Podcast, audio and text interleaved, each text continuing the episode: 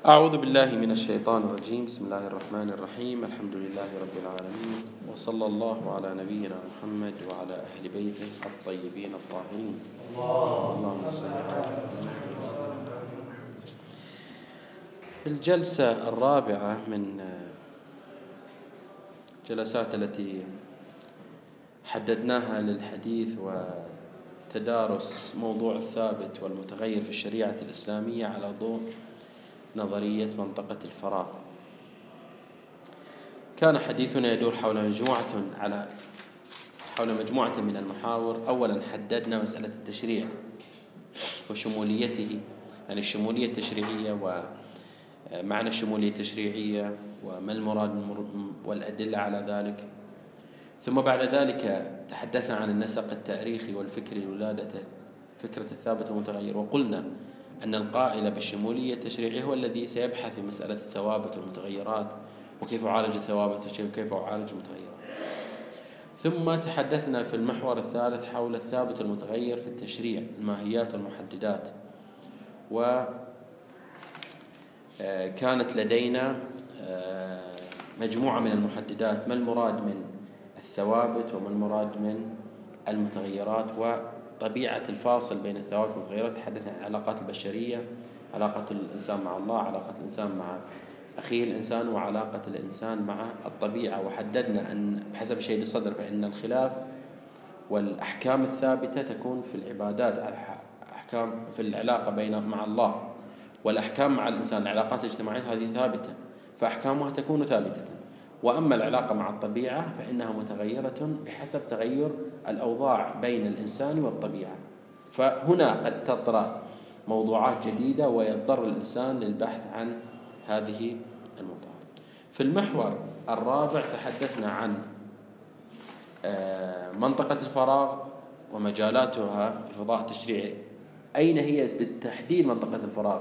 هل هي في الأمور الإلزامية؟ هل هي في الأمور من الإلزام في الأمور المباحة المباحة بمعنى الأحام المباح بمعنى الأخص.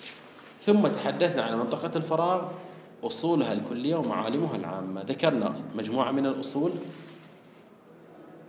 نعم.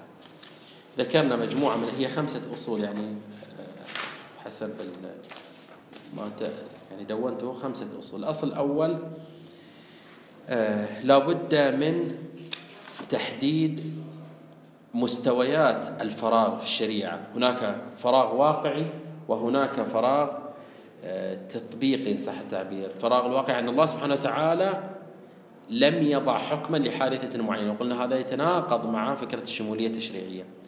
ولكن نقول في الواقع الخارجي هنا قد نتصور الفراغ.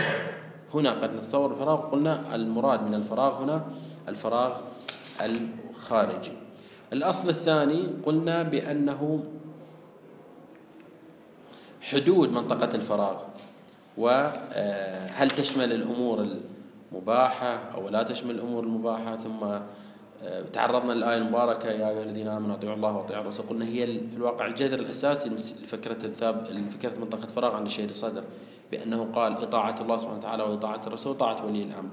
كيف يمكن الجمع بين إطاعة الله سبحانه وتعالى والرسول من جهة وطاعة ولي الأمر من جهة؟ وقلنا بأنه الجمع بينهما يكون إطاعة الله في الأمور الإلزامية إطاعة الله والرسول وإطاعة ولي الأمر تكون في خلاف الإلزاميات. فالمنطقة محددة بالأمور المباحة وهي التي يمكن أن نعبر عنها بمنطقة الفراغ التشريعي. وتحدثنا بعد ذلك قلنا بأنه في بعض الأحكام الصادرة عن النبي صلى الله عليه وآله هي أحكام ليست إلزامية. ليست إلزامية. هي الأحكام الصادرة عنه بوصفه ماذا؟ رئيسا للدولة. وإن ألزم وإنه يجب على المكلف فعلها لكنها مقيدة ومحددة بظرف معين. الأصل الثالث. من هو المسؤول عن إدارة منطقة الفراغ؟ عرفنا منطقة الفراغ هذه المساحة التي لا يوجد فيها أحكام إلزامية. من هو المسؤول عن شغر هذه أو ملء هذه المنطقة الشاغرة؟ الشهيد الصدر يذهب إلى أن إلى أن الآية المباركة التي عبرنا عنها بأنها مستند إثبات منطقة الفراغ يا أيها الذين آمنوا أطيعوا الله وأطيعوا الرسول وأولي الأمر منكم. هي التي حددت آه، الفاعل الأساسي في منطقة الفراغ وقالت بأنه ولي الأمر. ولي الأمر هو المخول بتشريع أحكام في هذه المنطقة. ماذا قالت الآية المباركة؟ يا أيها الذين آمنوا أطيعوا الله وأطيعوا أطيعوا الله وأطيعوا الرسول. جيد. طاعة الله وإطاعة الرسول.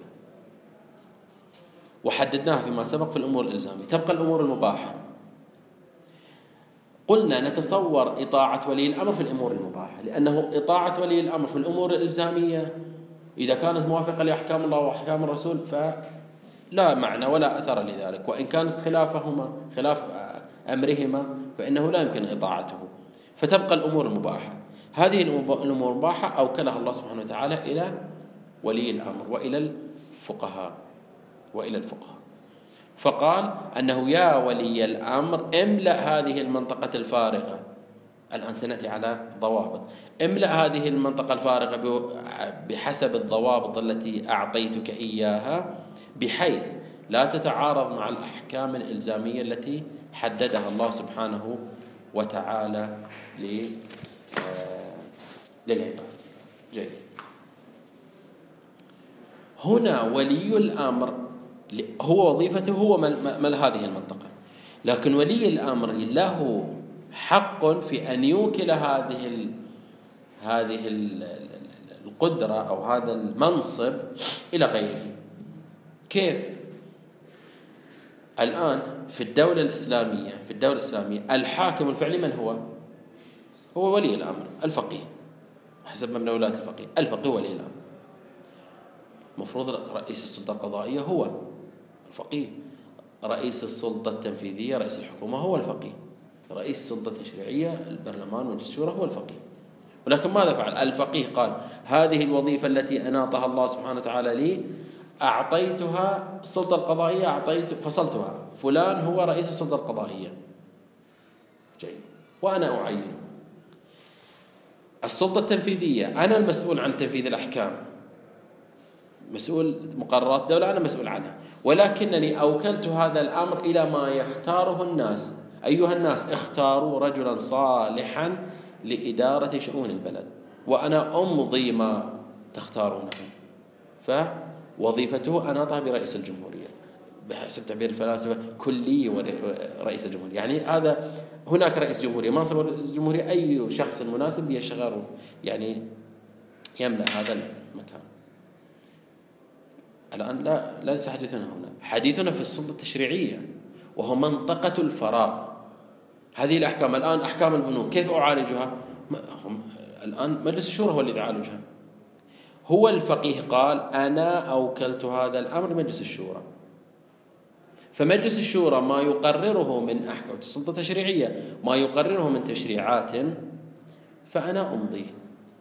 أو هنا بحسب آه بحسب تعبير شهيد الصدر قال مجلس أهل الحل والعقد. سماه مجلس مجلس أهل الحل والعقد. هؤلاء يجتمعون فيهم فقهاء فيهم قانونيون فيهم كذا يأتون ويقررون بعض الأحكام يأتي ولي الأمر يقول أنا أمضيت أمضيت هذه الوظيفة هنا في الجمهورية الإسلامية ماذا ماذا عندهم؟ الحكم الصادر أو المقررات الصادرة من الشورى أين تمر؟ في مجلس تشخيص مصلحة النظام أن هذا الحكم هذا يتوافق مع أحكام الشريعة ولا يتوافق مع أحكام الشريعة ليس كل أعضاء مجلس الشورى هم يعني مضبوطون في هذا قد تفوتهم أمور. تشخيص مصلحة النظام يقوم بملاحظة هذا الحكم هذا هذا التشريع. هل هو متوافق مع الإسلام متوافق مع النظام متوافق مع الدستور أو لا؟ هذه وظيفة ولي الأمر. هو أوكلها أوكل التشريع إلى هنا والتشخيص إلى هذا المجال. إذا صحيح أن الله سبحانه وتعالى قد أعطى ولي الأمر حق التشريع بهذا المعنى الذي بيناه. ولكن لولي الأمر أن يوزع هذه هذا الحق وهذه السلطة على مجلس النواب على مجلس الشورى أو مجلس أهل الحل والعقد وما يصدر عنه يكون إمضاء. مثلا يقول أنا أمضيت إجمالا هذه التشريعات. وهذه نقطة مهمة. هذه نقطة مهمة. هنا شهيد الصدر في الواقع بطريقة احترافية أدخل الأمة في مسألة التشريعات مع ضمان عدم خروج هذه التشريعات عن الحدود الإسلامية. بأن قال مجلس النواب يختاره الناس يشرعون لا أضمن تشريعاتهم تكون شرعية فيأتي الولي يأتي الفقيه ولي الأمر ويعطي يلاحظ هذه الأحكام هل هي متوافقة مع الشرع وليست متوافقة ثم يمضيها. ثم يمضيها. يكون كل ذلك بإشراف الفقيه. إذا الأصل الثالث هو آه، من يقوم بعملية ملء هذه المنطقة منطقة الفراغ يكون هو الولي الأمر أو الولي الفقيه بحسب آه، تعبير الشيخ الأصل الرابع كيف يملأها الفقيه؟ عرفنا منطقة فراغ وعرفنا حق التشريع في هذه المنطقة وملئها وملئها. كيف يملأ؟ يعني هل كيف يشخص؟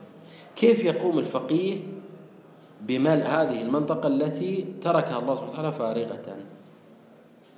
كيف يملأها وبتعبير آخر ما هي العلاقة بين الأحكام الثابتة والأحكام المتغيرة؟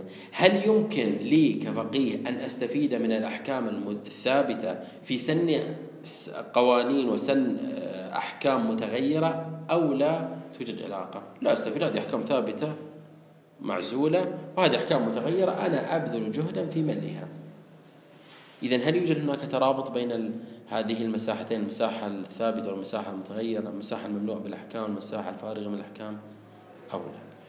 الشهيد الصدر يقول صحيح الفقيه هو الذي يملأ هذه المنطقة ولكن لا بد له من ضوابط حتى لا تتدخل الأهواء. يبقى الفقيه ليس معصوما. لا تتدخل الأهواء لا تتدخل المشاكل لا تتدخل سوء التقدير وغير ذلك. الشهيد الصدر يقول ينبغي على الفقيه أن يملأ منطقة الفراغ بالأحكام الشرعية ضمن ما أسماه بالمؤشرات العامة في الشريعة. يقول الشريعة الإسلامية فيها مؤشرات عامة مؤشرات أساسية. هذه المؤشرات الأساسية لا بد من الفقيه الإلمام بها لا بد من إدراكها لا بد من وضع اليد عليها أن تكون محكمة في يده يعرف هذه المؤشرات يعرف مزاج الشارع يعرف اتجاه الشارع كما سنأتي على النقاط فيستطيع أن يضع حكما لهذه المنطقة الفارغة.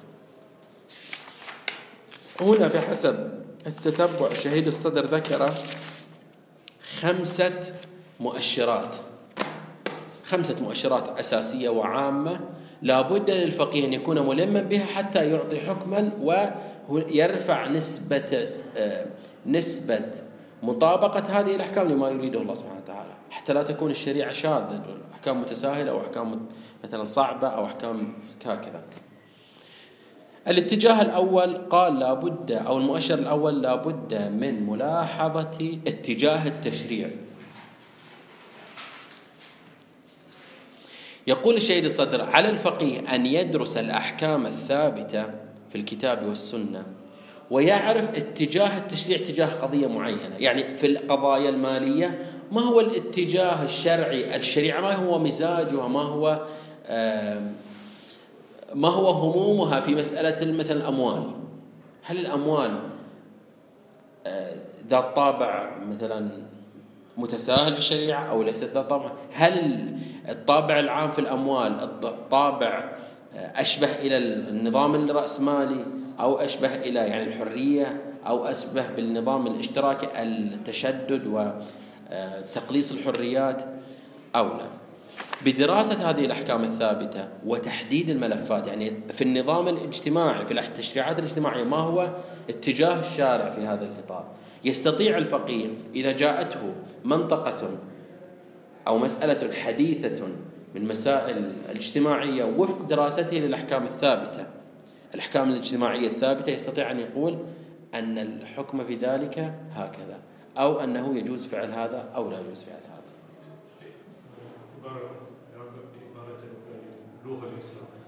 نعم. اتجاه وروح الشريعة ماذا يقصد؟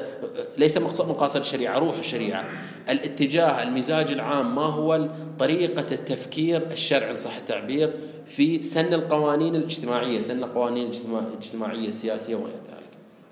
مثلا يأتي فقيه تأتي للفقيه مسألة موضوع جديد في مسألة الأموال.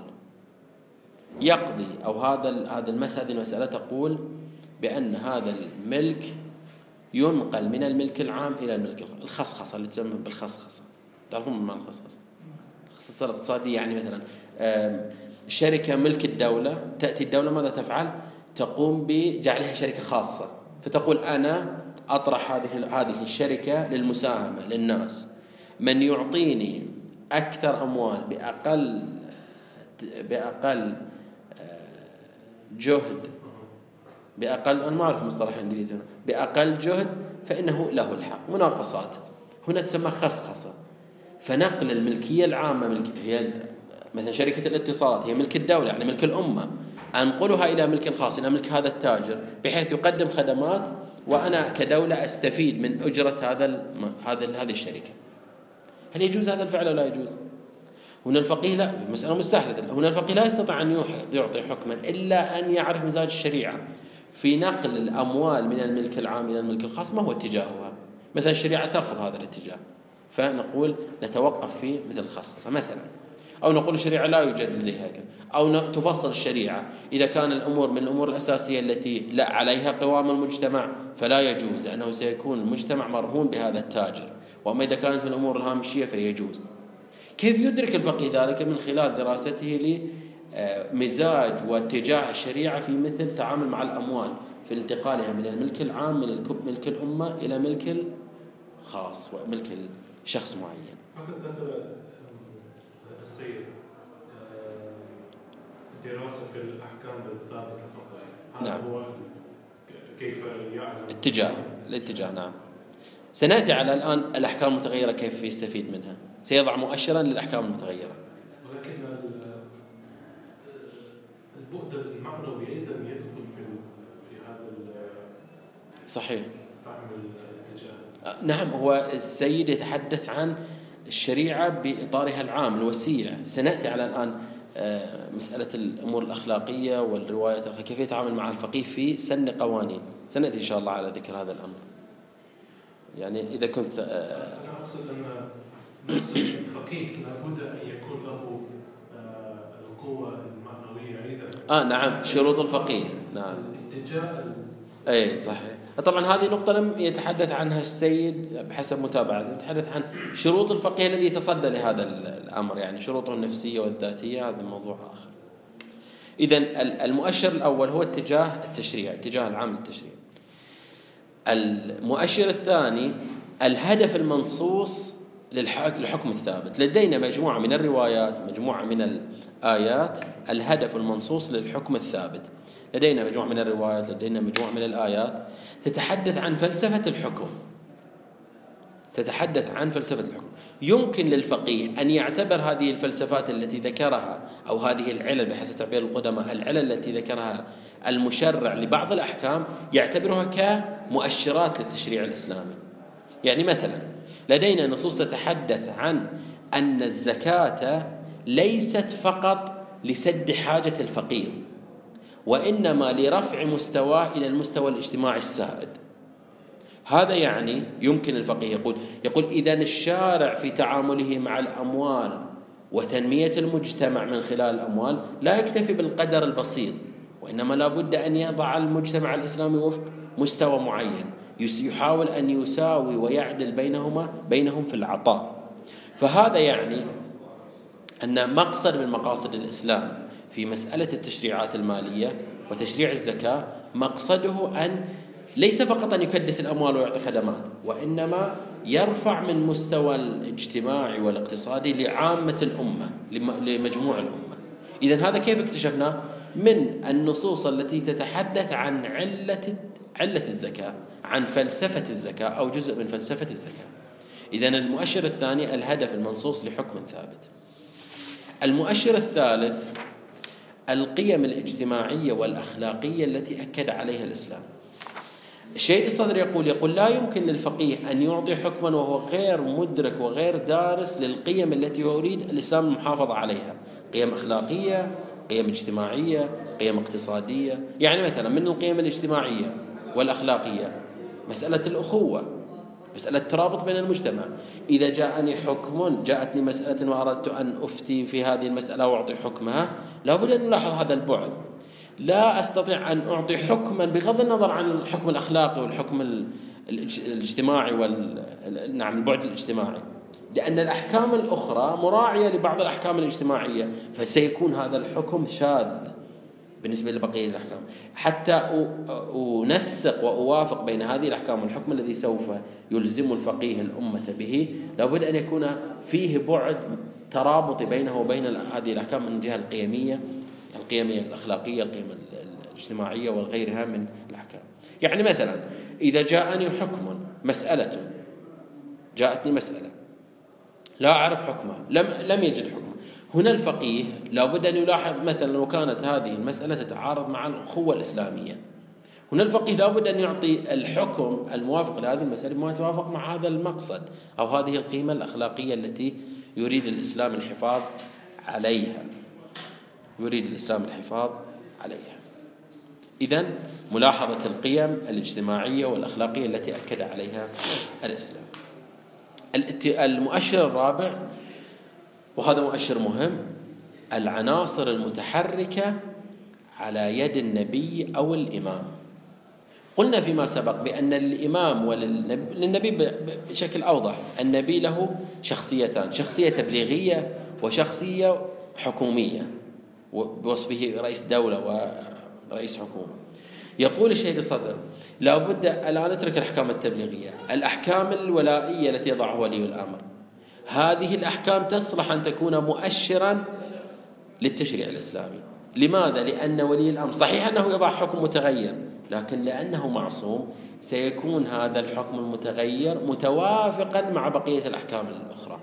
فالفقيه يستطيع أن ينظر إلى الأحكام الولائية والحكومية التي وضعها أمير المؤمنين أو وضعها النبي صلى الله عليه وآله. جيد. حتى وضعها الأئمة المتأخرون من الجهة الاجتماعية ليست من الجهة السياسية. يعني بوصفهم ولاة للأمر الإسلامي لم يتدخلوا في السياسة لكن في الأمور الاجتماعية.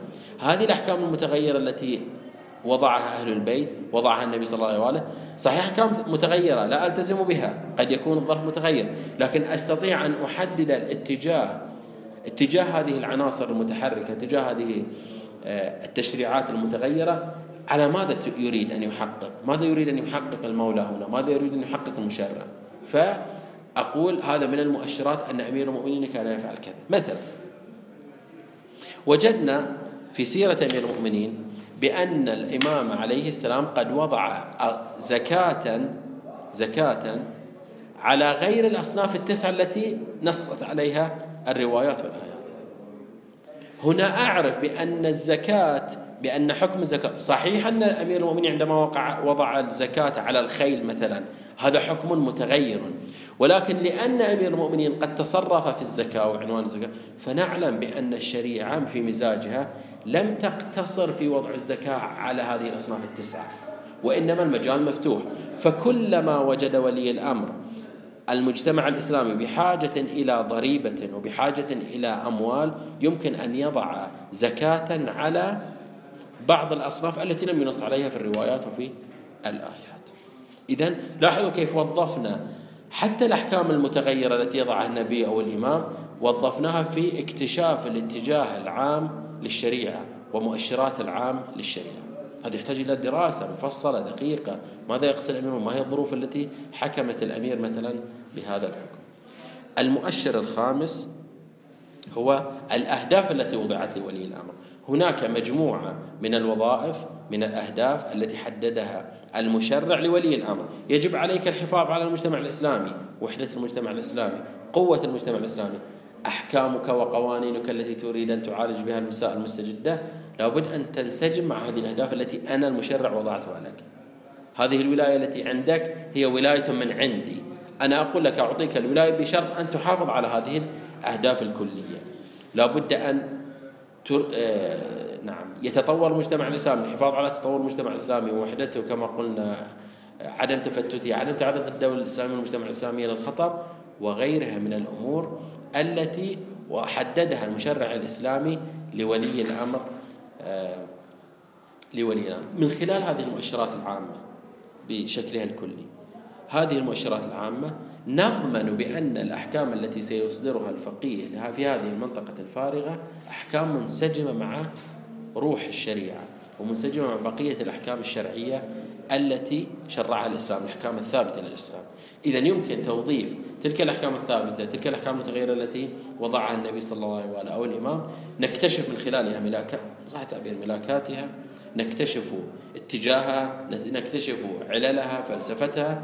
فأي مسألة مستجدة من خلال هذه المؤشرات نستطيع أن نضع حكما. فنقول يجب على الأمة فعل كذا ولا ينبغي عليها فعل كذا وغيرها من الأمور.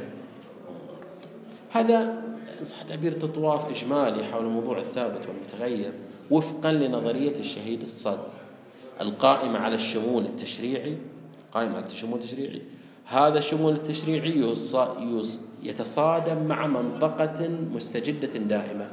فجاء الشهيد الصدر قال هذه المنطقة سماها منطقة الفراغ.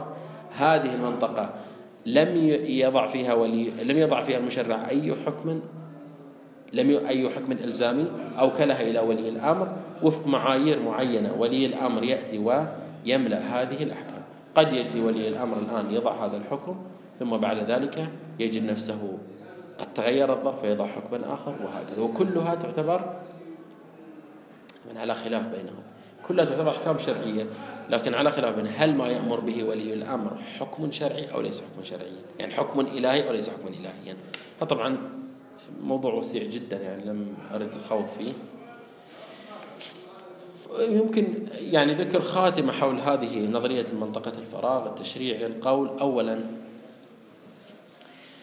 تعتبر الدولة الإسلامية ومسألة ولاية الأمر مسألة أساسية وجذرية في مسألة منطقة الفراغ ونظرية فراغ التشريع. فإن هو اللاعب الأساسي صح التعبير هو الولي الفقيه ولي الأمر. الأمر الثاني وجدنا من خلال استعراض الشهيد الصدر أن شهيد الصدر لم صحيح أن الوظيفة منوطة بولي الأمر ولكنه قد أدخل الأمة في مسألة سد منطقة الفراغ. لديه نص مهم جدا. أنا لم أنقله ما أعرف ليش ما نقل. يتحدث الشهيد الصدر عن أن ولي الأمر ينبغي عليه أن يأتي بالمتخصصين حتى يحدد الوظيفة هنا.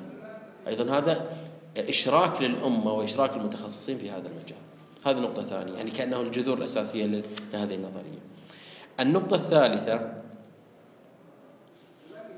هذه النظرية بهذا يعني بهذه الصورة وبتطوير أكثر يمكن من خلالها إنقاذ المجتمعات غير الإسلامية في مجتمعاتهم الإسلامية. يعني إضفاء الشرعية على كثير من التصرفات وكثير من القوانين التي يواجهها المسلمون في غير الدولة الإسلامية.